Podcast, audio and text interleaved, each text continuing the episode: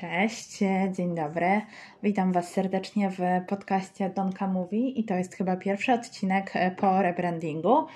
Już nie Korona Spokój, tylko właśnie Donka Mówi, ponieważ jest tyle ciekawych tematów na świecie.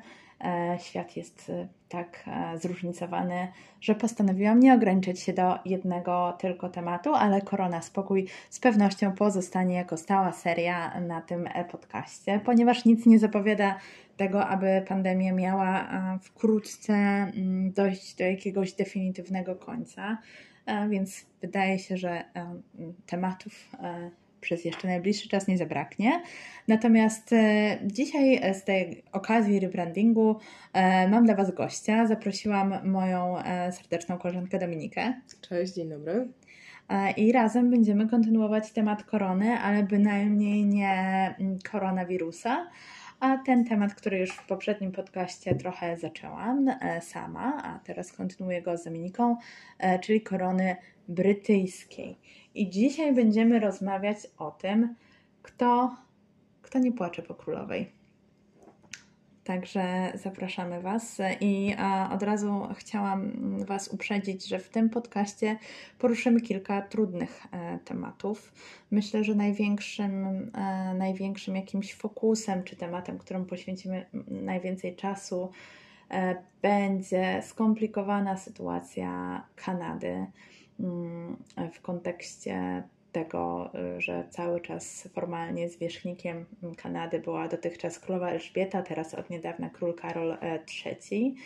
Ale porozmawiamy sobie też o innych e, krajach i o innych wątpliwościach, jakie mieszkańcy zamorskich terytoriów e, Wielkiej Brytanii, a mm, o pytaniach, które pewnie chętnie zadaliby królowej Elżbiecie, czy teraz jej, e, czy teraz jej synowi. Zacznijmy od tego, że wszyscy kojarzymy pewnie z lekcji historii takie powiedzenie, że nad że Imperium Brytyjskie w pewnym momencie swojej największej potęgi to było imperium, nad którym nigdy nie zachodziło słońce. Ponieważ e, terytoria zamorskie rozciągały się tak daleko, to były i terytoria w Afryce, i Indie, i Australia, Nowa Zelandia, i e, Ameryka Północna, że faktycznie jakby się uprze. I jeszcze mnóstwo wysp, małych wyspiarskich krajów, które się rozciągają w różnych strefach czasowych, że faktycznie to było e, państwo, nad którym nigdy nie zachodziło słońce. Natomiast to nie do końca jest pieśń przeszłości ponieważ cały czas istnieje szereg krajów, które formalnie uznają królową e, Elżbietę, czy po prostu monarchę Wielkiej Brytanii za swojego zwierzchnika. I żeby Wam podkreślić, że to wcale nie jest pieśń przeszłości, że to jest jak najbardziej aktualna sprawa, możemy opowiedzieć o tym, że z okazji swojego 70. jubileuszu, który miał miejsce kiedy? W czerwcu? Mm-hmm. W, w, tym roku w każdym w razie, um, kilka miesięcy temu, e, królowa wysłała swoje dzieci i swoje wnuki na taką e, podróż, każdy w innym kierunku. Karol z Kamilą, wówczas jeszcze jako para książęce, byli w, właśnie w Kanadzie. W Australii była królowa Anna, e, przepraszam, księżniczka Anna, czyli młodsza siostra Karola, a książę William i Kate byli na Karaibach, na Jamajce, w Belize. Mm, i nie wszędzie byli bardzo ciepło witani. Zdaje się, że na Jamajce były niewielkie, ale odnotowywane przez prasę protesty przeciwko ich wizycie i przeciwko tak jakby kolonialnemu wydźwiękowi tej wizyty. A jeżeli chodzi o państwa, które jeszcze do niedawna były formalnie pod zwierzchnictwem brytyjskiej korony, wymienić można Barbados. To zdaje się był rok 2021, a może już 22, nie powiem Wam na pewno, kiedy Barbados oficjalnie zrzekł się właśnie tego zwierzchnictwa, przekształcił się w republikę i, i to było nawet głośne wydarzenie medialne, chociaż mam wrażenie, że jakby najwięcej uwagi poświęcono e, Rianie, bo on miał jakiś taki strój e, który przykuł uwagę prasy. nie, nie, pamiętam teraz o co chodziło, ale pamiętam, że jak czytałam e, doniesienia na ten temat, no to właśnie to był jakiś taki temat najbardziej grzany. Chodliwy. No tak, ale jakby nie zapominajmy o, o tym w ogóle, co było przyczynkiem tego, że ona miała tą galę, na którą się tak ubrała, e, a było nim właśnie zerwanie tych stosunków w takim dotychczasowym kształcie mm, pomiędzy Barbadosem a Wielką Brytanią. I... No słuchajcie, zaczniemy sobie może od Kenii.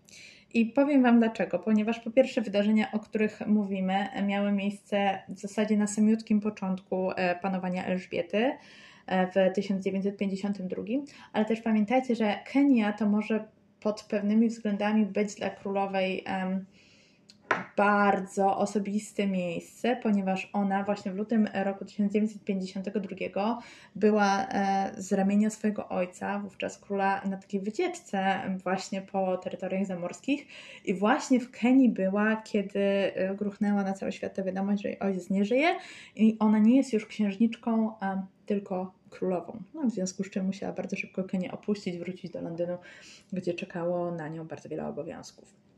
Ale w Kenii w 1952 roku miało e, miejsce wydarzenie, które mm, przeszło do historii jako powstanie e, Mau Mau. E, było to powstanie zainicjowane przez plemię Kikuyu. Mam nadzieję, że wymawiam to poprawnie. Jeżeli ktoś z Was ma informację, że jednak to poprawnie nie jest, to uprzejmie proszę o danie, danie znać.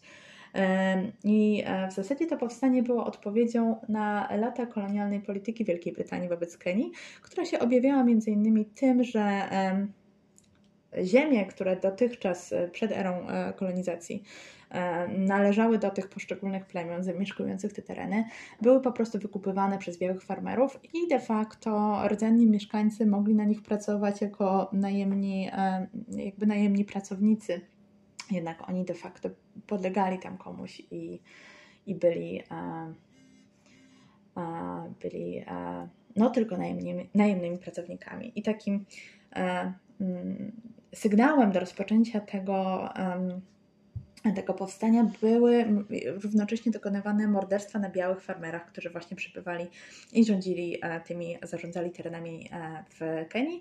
No od tego całe powstanie się zaczęło i zostało ono bardzo twardo i szybko stłumione e, przez, przez zarząd brytyjski. Łącznie z tym, e, że na miejscu powstawały e, obozy koncentracyjne, w ogóle tutaj warto podkreślić, że obóz koncentracyjny jako taki twór w nowoczesnym e, znaczeniu został wymyślony przez Brytyjczyków w 1902 roku w czasie wojen burskich. Także no, dla Brytyjczyków nie była to pierwszyzna. Natomiast faktycznie mówi się o tym, że w tych obozach przebywały kobiety, dzieci, dochodziło do nieludzkiego traktowania. E, I między innymi takim e, zapisem e, świadka, który, który zachował się dla nas, to jest świadectwo babci Baracka Obamy, ponieważ jego dziadek Hussein Obama był właśnie w takim obozie. No i ona opowiadała, że ludzie byli tam traktowani w naprawdę okropny, okrutny sposób. I um, i zdecydowanie to, co się tam działo i to, jak byli traktowani jeńcy, a także nie tylko osoby, które były bezpośrednio jakby przyłapane, e, ale też e, ich rodziny, że byli traktowani w sposób e, nieludzki. I w roku 2013 rząd brytyjski de facto przyznał te winy, ponieważ zaczął wypłacać odszkodowania. Natomiast w tym wszystkim rola Elżbiety jest bardzo niejasna i chyba to, to jest takie coś, co się będzie przewijało przez wszystkie te pretensje. kraje, tak. Tak, że nie ma tam roli e, Elżbiety. E, tak, nie można jej postawić jej jako osobie. Można postawić koronie albo instytucji, albo całemu krajowi, e, ale Elżbieta nigdy prawie nie jest wywoływana po imieniu. Także. Oprócz Kanady. W Kanadzie. Okej, okay. to tutaj Dominiko, Tobie oddam głos. Wiem, że Dominika o Kanadzie ma Wam więcej do powiedzenia. Znaczy, temat, temat Kanady w ogóle jest bardzo trudny i dosyć bolesny, i na to uczulam na wstępie, bo po prostu ciężko będzie się powstrzymać od oceny. Ale tak naprawdę temat u nas pojawił się dopiero w zeszłym roku, kiedy transmisja, pojawiła się transmisja. E, z okazji obchodów Święta Kanady, to jest 1 lipca, mhm. czyli 1 lipca 2021 roku, telewizja transmituje, jak rdzenne ludności kanadyjskie obalają pomniki Wiktorii i Elżbiety. E... I choć to się dzieje dopiero teraz, e... mamy te, te wszystkie w ogóle właśnie te pucze, te wszystkie protesty, e... dopiero teraz tutaj to wychodzi, to tak naprawdę historia ciągnie się mniej więcej od połowy XIX wieku.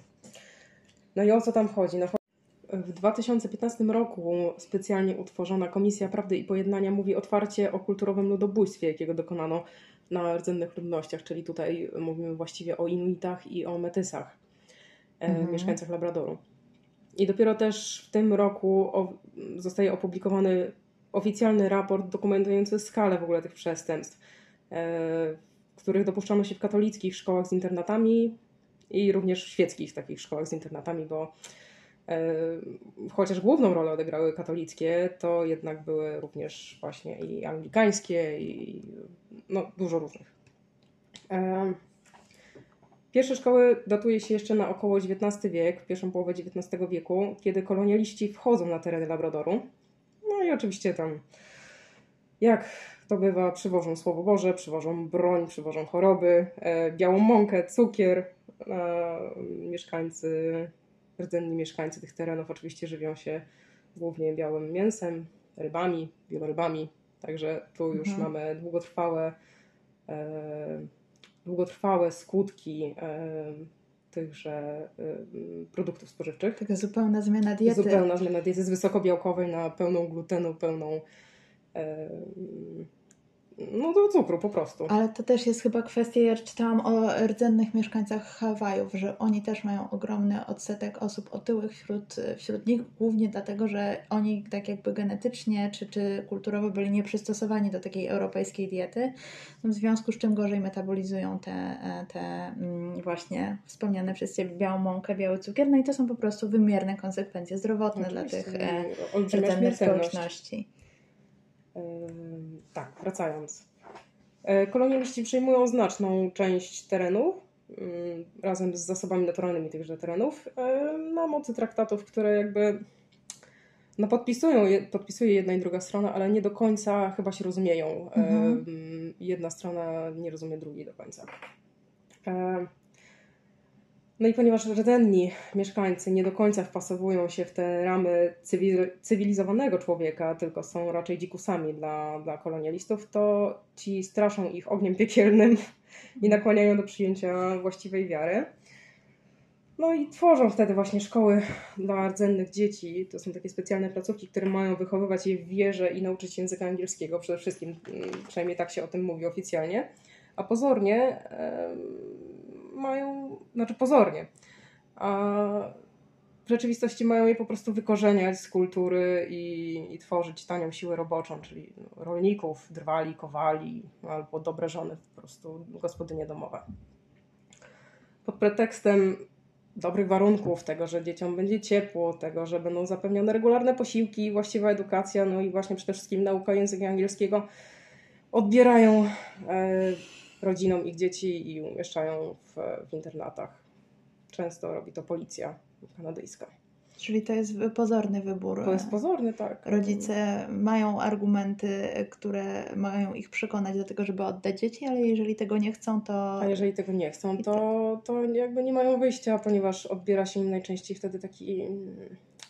To jest coś na wzór naszego zasiłku rodzinnego. Aha. Czyli jeżeli nie chcesz dobrać, dobrowolnie oddać dziecka, to tracisz zasiłek i musisz sobie radzić wtedy sam. A no, mhm. wiemy o co chodzi, tak? Y, no, tak? Temperatury minus 30, zwierzę jest albo nie jest, wchodzą nowi biali ludzie. No, może czy, być ciężko. Czyli taki przymus w białych rękawiczkach, ale tak, de facto tak, wciąż przymus. przymus. I tutaj mówimy o przedziale wiekowym dzieci 6-15 lat, natomiast w praktyce wyglądało to w ten sposób, że jeżeli były duże rodzeństwa, to odbierano również dwulatki. Ej, to... Um, no, świadectwa tych ludzi, tych, którzy w ogóle przeżyli, żyją dalej, są spisane, były spisane jako jedno wielkie akta, natomiast te akta zostały. to było ponad 30 tysięcy stron świadectw, rozumiesz? I mm. to wszystko zostało rozszyte, cała teczka została rozszyta, poprzemieszana. Akta zostały uszkodzone, rozlane, zalane mm. atramentem, zalane wodą. Bardzo mało się z tego zachowało. E, oni sami, ci, którzy przeżyli, mówią o sobie, że są survivors.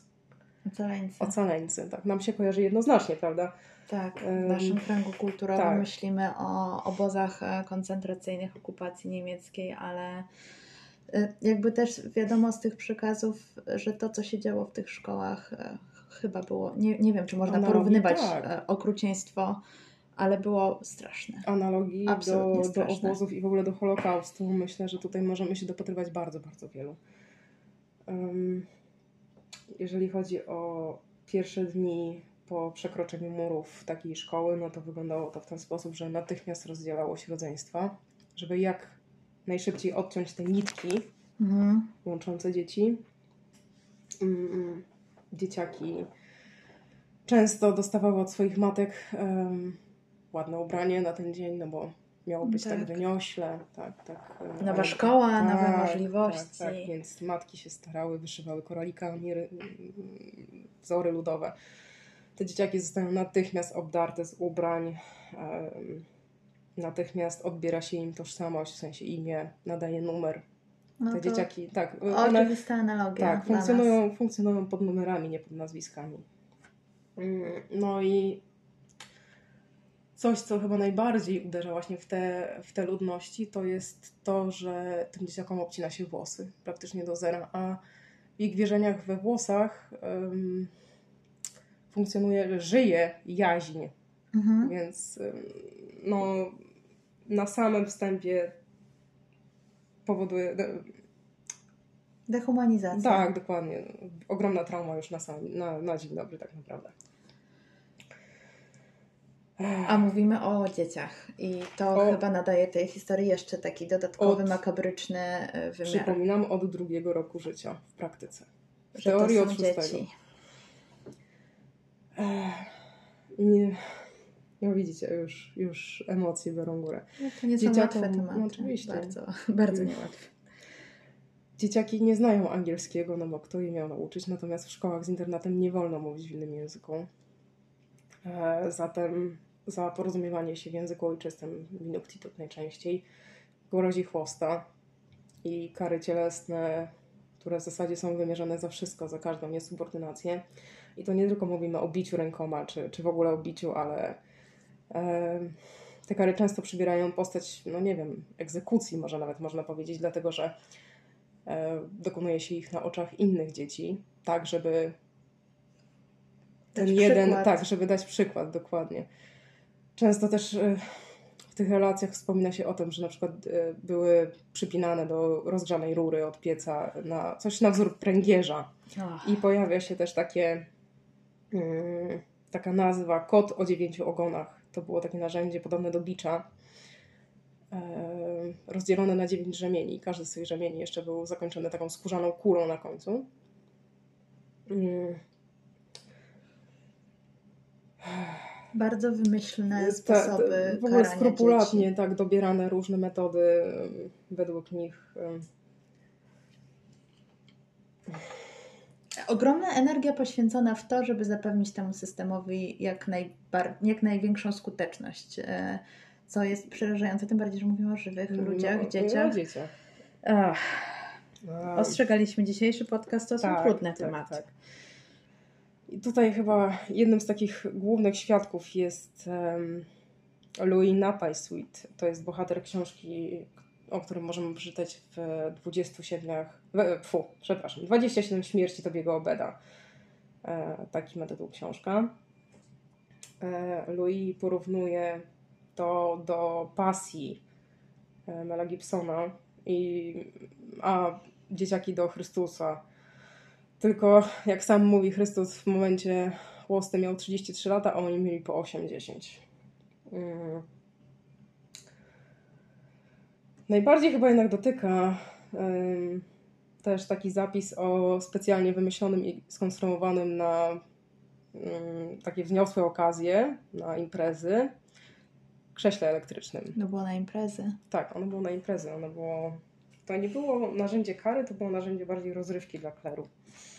Ciężko E, i mówię to o- wyobrazić. Mówię o specjalnie skonstruowanym, dlatego że ono było po prostu mniejsze niż takie standardowe Mhm. krzesło i często też właśnie z relacji świadków wynika, że było na tyle, dalej na tyle duże, że posadzone dziecko nie sięgało nogami do obejmy. Mhm.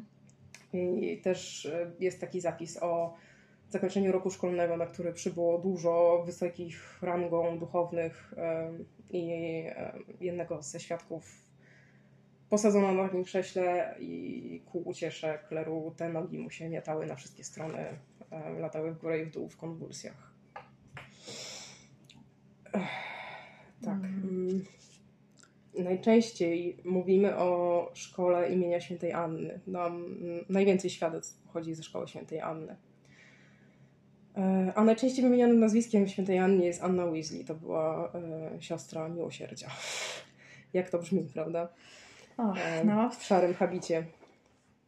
Tak. I to ona najczęściej właśnie parała się rażeniem prądem i mało tego e, przymuszała dzieci do zjadania własnych wymiocin po tych konwulsjach. Często z posadzki, jak nie trafiły w miskę, na przykład z powrotem ze śniadaniem. Czyli nie tylko fizyczne tortury, ale, ale też. Takie upodlenie, zupełne, zupełne upodlenie. upodlenie, tak. I stała nad nimi tak długo, aż nie zjadły wszystkiego. To trwało no. nawet kilkanaście godzin. I co śmieszne, no mówimy tutaj o wydarzeniach, które się działy, no powiedzmy w 1900, około 1950, mhm. a proces Anny Weasley rusza dopiero w 1999 roku, kiedy ona sama ma już 74 lata i jest no, prawie zupełnie głucha.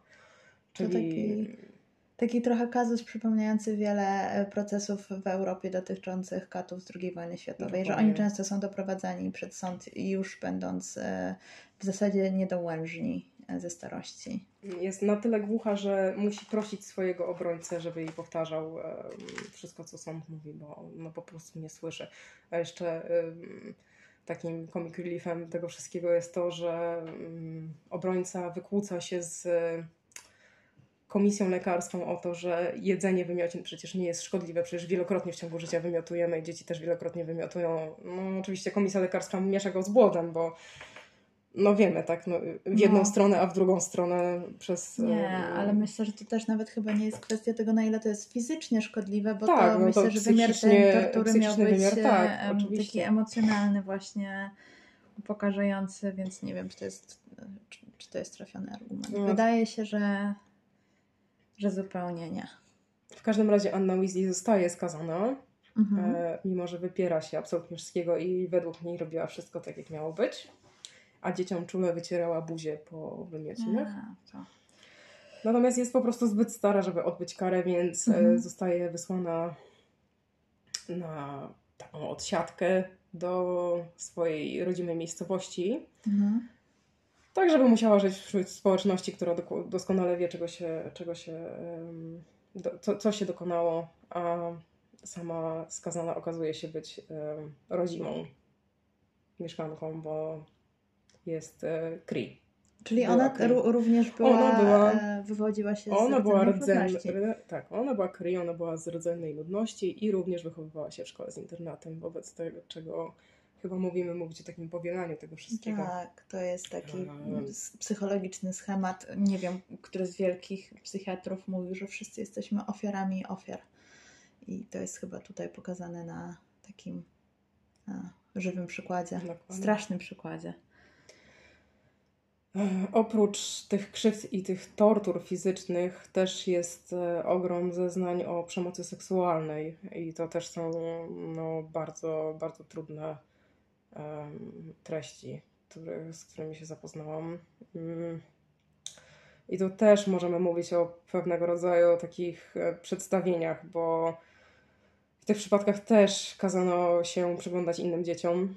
Mm, w ogóle tym dzieciakom nie można było odwrócić wzroku, e, nie można było w ogóle odwrócić e, twarzy, tak, zamknąć oczu, po prostu natychmiast ktoś podchodził i, i ich karał. Mówimy o takich publicznych masturbacjach małych dzieci, e, o gwałtach. To nie tylko o gwałtach dorosłych na dzieciach, ale również uczniów na uczniach, bo mhm. też podaje się przykład, ja nie pamiętam, czy nawet nie znalazłam nazwiska tej kobiety, mówi się również o siostrze, na którą oni mówili Mace Devil, a która lubowała się w oglądaniu, jak dzieci w siebie wchodzą.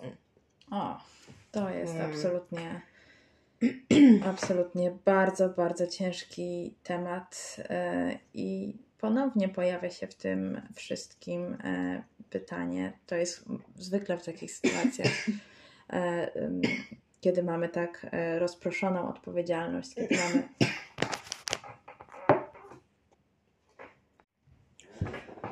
E, sposobami tych wielokrotnych gwałtów e, są oczywiście wielokrotne ciąże w ciągu roku, mm, wielokrotne poronienia, ale też czytałam takie zeznanie o dziewczynie, która, którą wyniesiono gdzieś w kotłowni, do kotłowni i tam urodziła dziecko, które wrzucono do wiadra po prostu razem, z łożyskiem i następnie całość do pieca, mm, przy czym nie było powiedziane, czy dziecko urodziło się żywe, czy nie. Mm. Te dzieci skrzywdzone w ten sposób często po prostu nie rozróżniały, co jest moralne, e, no bo nikt ich tego nie nauczył i krzywdziły się nawzajem po prostu, tak? Mm, tutaj też pada wiele nazwisk, e, w cudzysłowie, seksualnych drapieżników, wśród których mhm. E, najczęściej pojawia się nazwisko ojca Lavoie, który no, oczywiście, jak wielu zbrodniarzy, nie dożył procesu biskup Leverrier, który otrzymał sakrę biskupią i zmarł również przed postawieniem zarzutów, a było na niego około 400, 400 zeznań. Mm, ksiądz Langlois, siostra Gerard, biskup Bello, brat Gita i brat Goulet, który był architektem krzesła elektrycznego. Żadne z nich nie doczekało postawienia zarzutów. Mhm. Doży, Czyli... Dożyli swoich dni e, tak, no, bezkarnie. bezkarnie w spokoju, powiedzmy. Dzieci często też robiły sobie same krzywdy, bo y, na rękę im było trafić do szpitala. Mhm. Po prostu tam było ile przejedzenie i miały chwilę wytchnienia, nie było kart cielesnych, nie było tego molestowania, tego wszystkiego. Natomiast rejestry oczywiście nie oddają rzeczywistości, bo tam dzieciaki też często po prostu umierały do szpitala wcale nie było tak łatwo trafić. To zwykłe złamanie nogi nie wystarczyło. Najczęściej trafiali mm, ci chorzy na gruźlicę albo inne choroby zakaźne, ale mhm. też bardzo często po prostu umierali. Mm, I na tę okoliczność, na, na okoliczność stworzono nawet takie specjalne karty zgonów, które wypełniono na tyle lakonicznie, że w sumie niewiele się zachowało i niewiele można z nich wyczytać. Dzieci też uciekały oczywiście. E, Nikt ich nie szukał, nie oszukujmy się. Czasem tylko się pofatygowano, żeby poinformować rodzinę przez policję, ale też nie zawsze. Mhm. Po prostu nie wracali na wakacje i w taki sposób najczęściej rodziny się dowiadywały. A na okoliczność ucieczek demontowano na przykład drogi przeciwpożarowe czy schody przeciwpożarowe. Więc no. bardzo dużo dormitoriów po prostu poszło z dymem razem z uczniami. E, po szkole też często dzieciaki nie miały do czego wracać, bo rodzice bardzo często nie żyli. Już po prostu. Długofalowe skutki poszkolne, no to oczywiście uzależnienia, niezdolność do prowadzenia życia społecznego, niezdolność do prowadzenia życia rodzinnego, niezdolność do podjęcia pracy, depresje, samobójstwa, samobójstwa rozszerzone. E, właśnie na przykład jeden bohater nie miał do czego wracać, bo starszy brat wrócił i zamordował rodziców, a następnie sam się Zabił. targnął na życie. Tak. Czyli de facto to było e, sprawienie, że ci ludzie byli takimi społecznymi no, wyrzutkami, nie byli w stanie w żaden sposób e, Absolutnie wrócić do życia. społecznie. I celem tych szkół miało być ucywilizowanie, przystosowanie do nowego życia, a w zasadzie uczyniono z tych ludzi e, nie wiem jak to nazwać, ale wykorzeniono z nich i wszelką zdolność do normalnego, szczęśliwego przeżywania i życia, pracy, czegokolwiek. Cały czas mówimy o wydarzeniach, które miały miejsce w połowie XIX wieku, a dopiero teraz tak naprawdę się o tym słyszy. Znaczy one się wtedy zaczęły, Ale bo tak, trwały, tak, tak, tak. trwały to stosunkowo niedawna. Wydaje mi się, że jeszcze się, lata 70. XX o ile wieku, się nie mylę, to, albo i dłużej. O ile się nie mylę, to ostatnio szkołę zamknięto gdzieś koło roku 97, ale okay, to, to, to, to, coś takiego. To jeszcze tak. dużo dużo e, bliżej. A dopiero nas. w 2015 roku e, Justin Trudeau oficjalnie wystąpił i przeprosił. Mhm. I jego przeprosiny zostały całkiem pozytywnie odebrane, w przeciwieństwie do na przykład e, papieża, bo mhm. um, wielokrotnie proszono jeszcze Benedykta XVI o to, żeby przyjechał i przeprosił, natomiast Benedykt po prostu odmówił wprost Benedykt do 2013 roku był papieżem, tak? Nie, Od nie, nie, tego czasu już był Franciszek, więc to już y, o wiele lat temu de facto by, były takie prośby stosowane.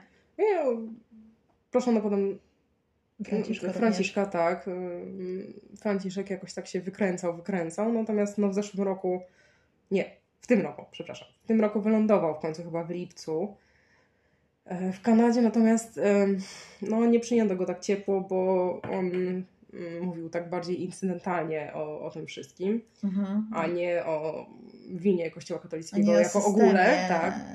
Bo to była jakaś tam systemowa... Natomiast no, nie możemy kwestia. mówić o incydentalności, no bo to był po prostu jeden złożony wielki mechanizm do dzieci i tak naprawdę wypleniania całych społeczności. I jakby tutaj to był długi, ale chyba ja myślę, że potrzebne em, takie przedstawienie tej sytuacji i po raz kolejny się pojawia pytanie, gdzie w tym wszystkim były, no ciężko mówić tylko o Elżbiecie, no bo to się zaczęło jeszcze Za długo zanim ona e, się narodziła wiele Tak, lat, tak, czyli za tak. królowej Wiktorii, która również rządziła przez bardzo, bardzo wiele lat.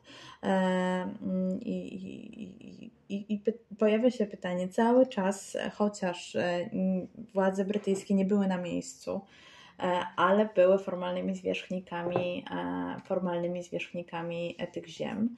Więc po pierwsze pojawia się pytanie, na ile wiedzieli, bo tutaj nie mamy żadnych, absolutnie żadnych No. zapisów, żadnych, e, żadnych informacji na temat tego, czy i ile e, Znaczy, Wielkiej Brytanii e, wiedzieli. Sami rdzenni mówią, że y, wszyscy dookoła wiedzieli, a Kanada nie wiedziała. Aha, Czyli Ta- ta- tak to określają. No i tak, no i no dokładnie, no, uczucia wobec korony brytyjskiej są bardzo mieszane. mhm. E, raczej większość skłania się ku temu, że można było temu zapobiec i że królowa powinna była coś powiedzieć w, w czasie, kiedy był na to czas.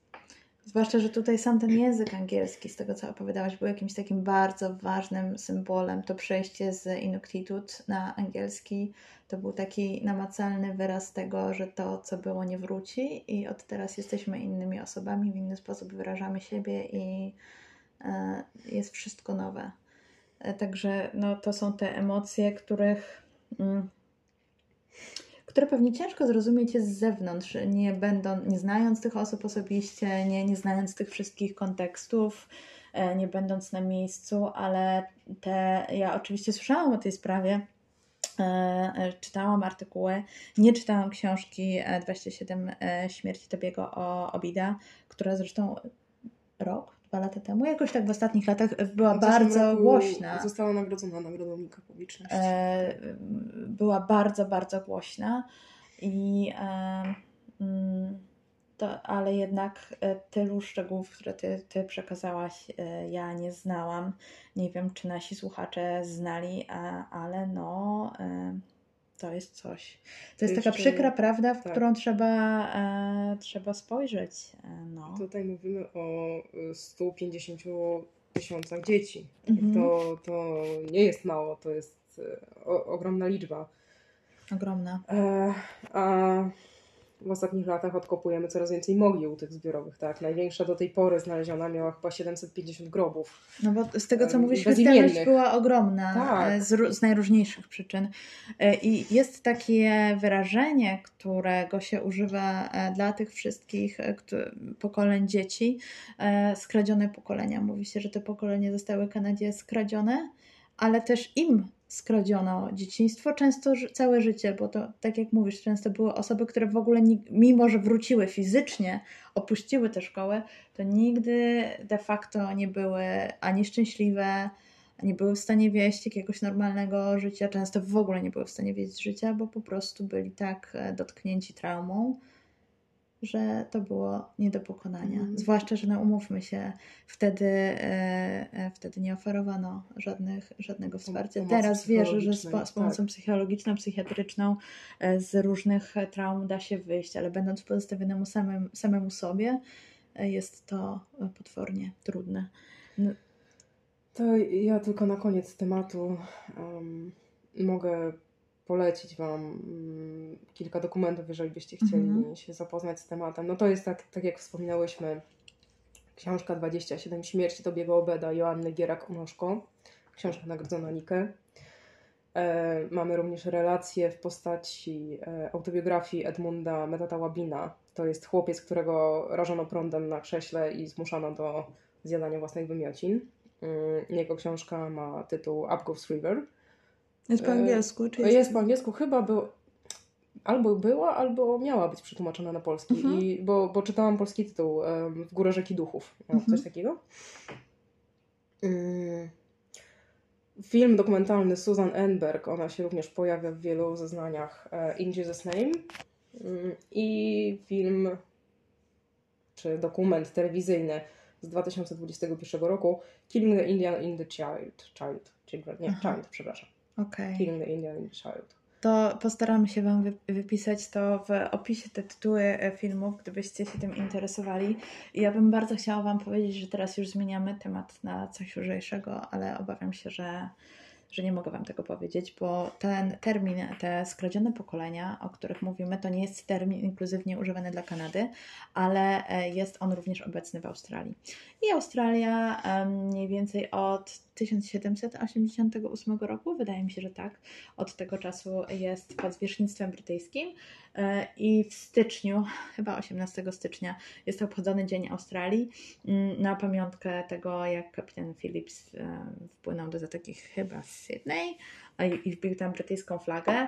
E, natomiast co roku są E, są oprotestowywane obchody tego święta, ponieważ dla wielu osób e, jest to nie tyle święto e, jakby jakieś narodowe, co jest to początek jakby kolonizacji brytyjskiej. Tu jest mowa o rdzennej ludności rdzennej ludności Australii, czyli aborygenach, tak. I oni również byli, istniał jakby system zabierania dzieci aborygenów od rodziców, celem tak jakby wyplenienia ich e, kultury e, i takiego zaustralizowania ich, czyli uczynienia z nich takich e, Made. no takich Europejczyków, może nie Europejczyków, ale taką europejską modłę obywateli. Do lat 70. XX wieku aborygeni nie byli w ogóle uwzględniani w spisach, w spisach ludności, w spis, jak się mówi, spis powszechny. Tak. I a więc tak jakby funkcjonowali na marginesie.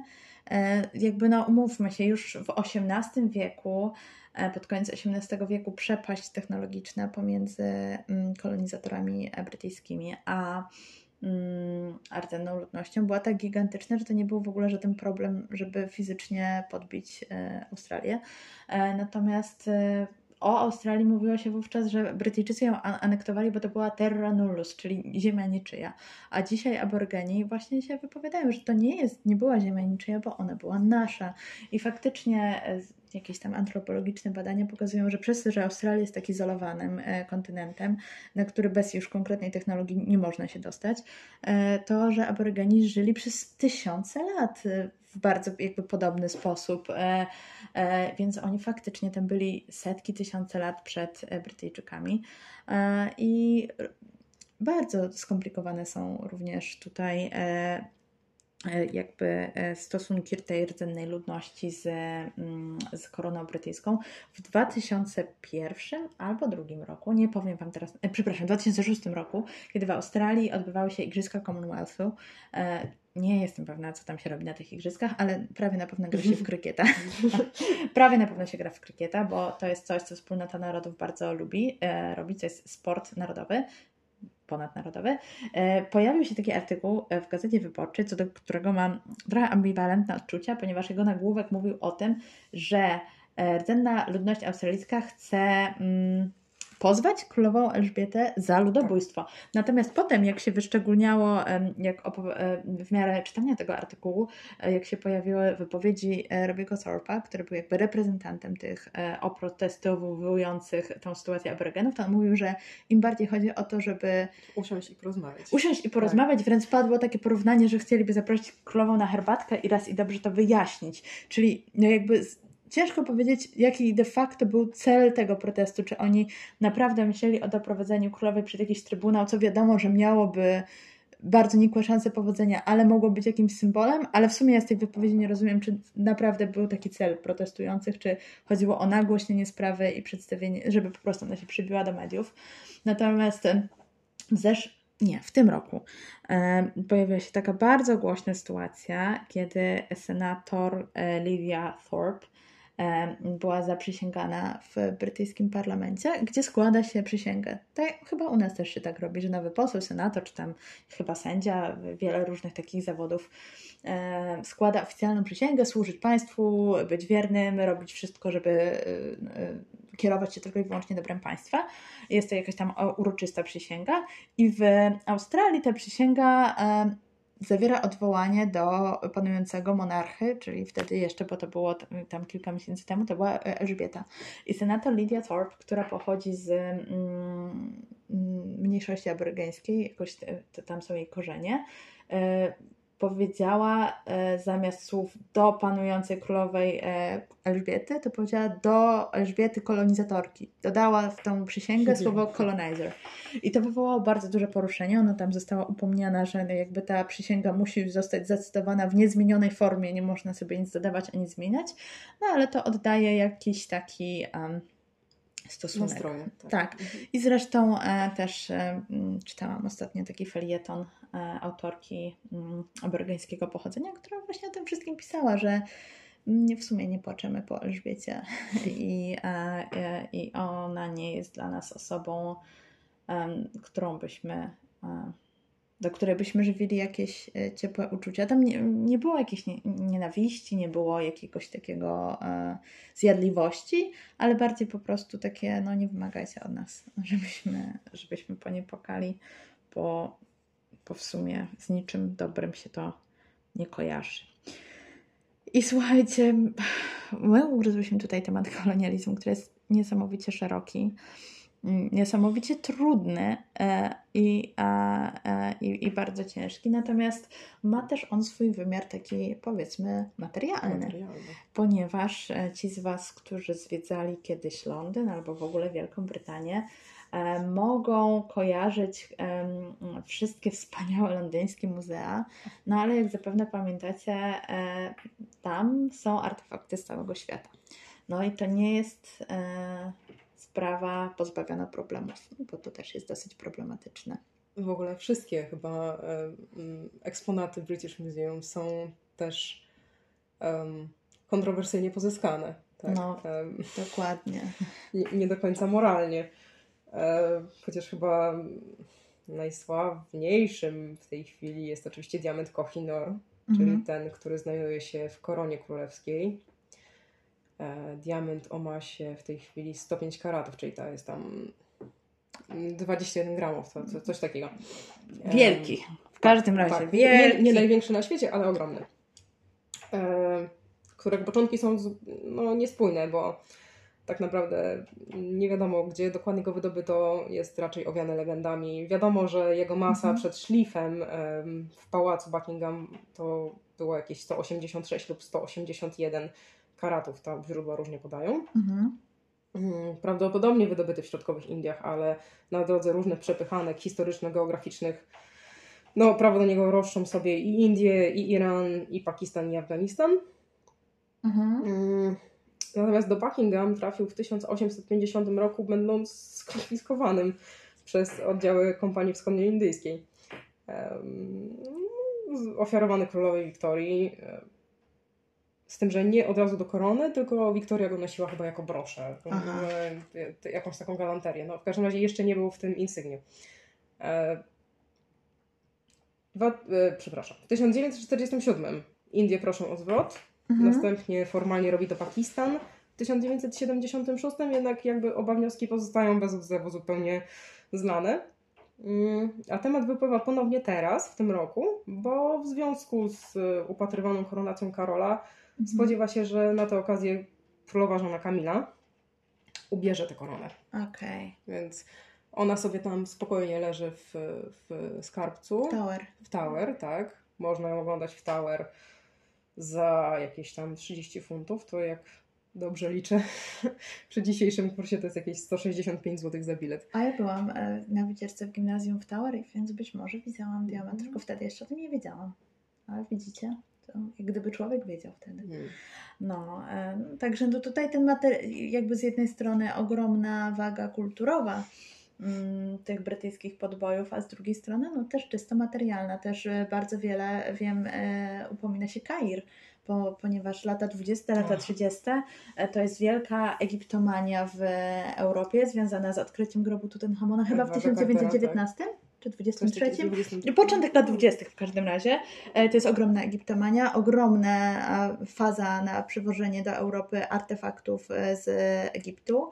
Um, i, no i faktycznie Kate się teraz upomina, zwłaszcza, że to są często bardzo cenne To są sarkofagi bogato zdobione, które mają nie tylko ogromną wartość taką poznawczo-historyczną czy kulturotwórczą, ale też na pewno no, są po prostu, po prostu kawał złota. Tak.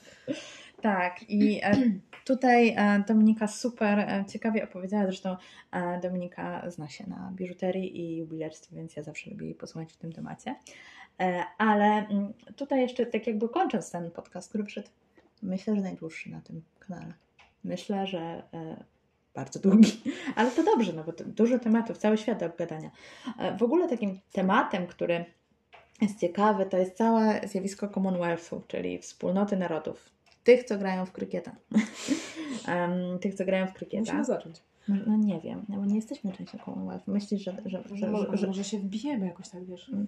Słuchajcie, będziemy próbować, e, ja no, nie, nie wiem jeszcze do końca na czym ta gra polega, ale w ogóle ta cała idea, bo z jednej strony mówi się, że przekształcenie takiej bezpośredniej zależności tych wszystkich krajów w taką przyjacielską wspólnotę narodów, no to z jednej strony spotkałam się z taką wypowiedzią e, po, już po śmierci Elżbiety, dr Izabeli Curyło-Klag z UJ-u, która się zajmuje anglistyką, ale bardziej tam taką kulturową e, stroną, e, że właśnie ta królowa Elżbieta była orędowniczką takiej dobrowolnej wspólnoty narodów i, i e, że ona jakby chciała, żeby w tym kraju uczestniczyły dobrowolnie, żeby to było takie no nie pod przymusem, tylko właśnie wspólną kulturą spięci w taką jedną przyjazną wspólnotę, ale zupełnie inna jest perspektywa na przykład u, e, Pakis, u dziennikarza pakistańskiego pochodzenia Saima Sayeda, który zdaje się, że w tej chwili pracuje w Brukseli dla jakiegoś belgijskiego periodyku, e, który no, trochę się naśmiewa z, tego, z tej idei dobrowolnej wspólnoty narodów i bardziej podkreśla, że to jest takie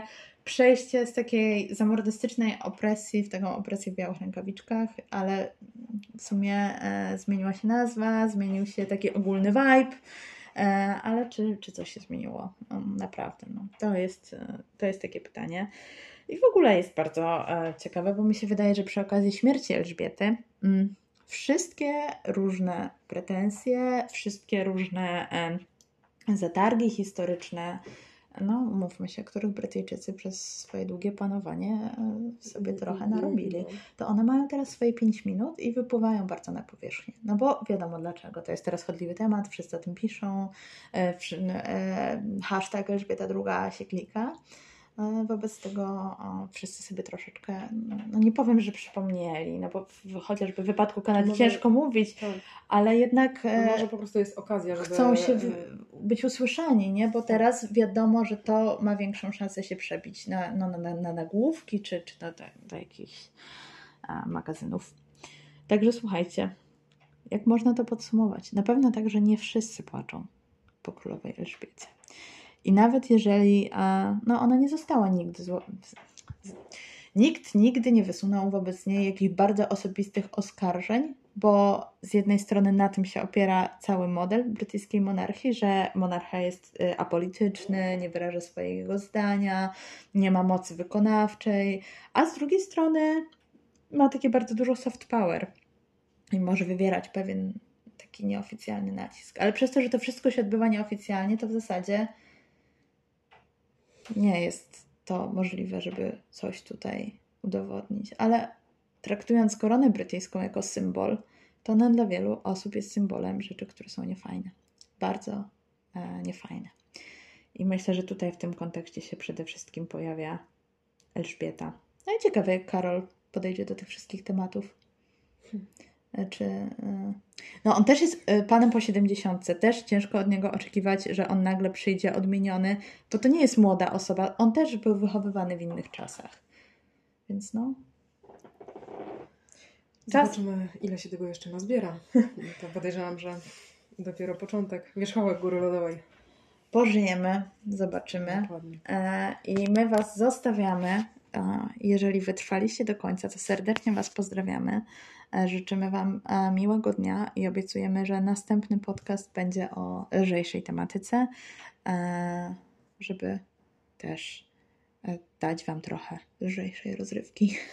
Dziękujemy bardzo i serdecznie Was pozdrawiamy. Aldona. Dominika. Do usłyszenia.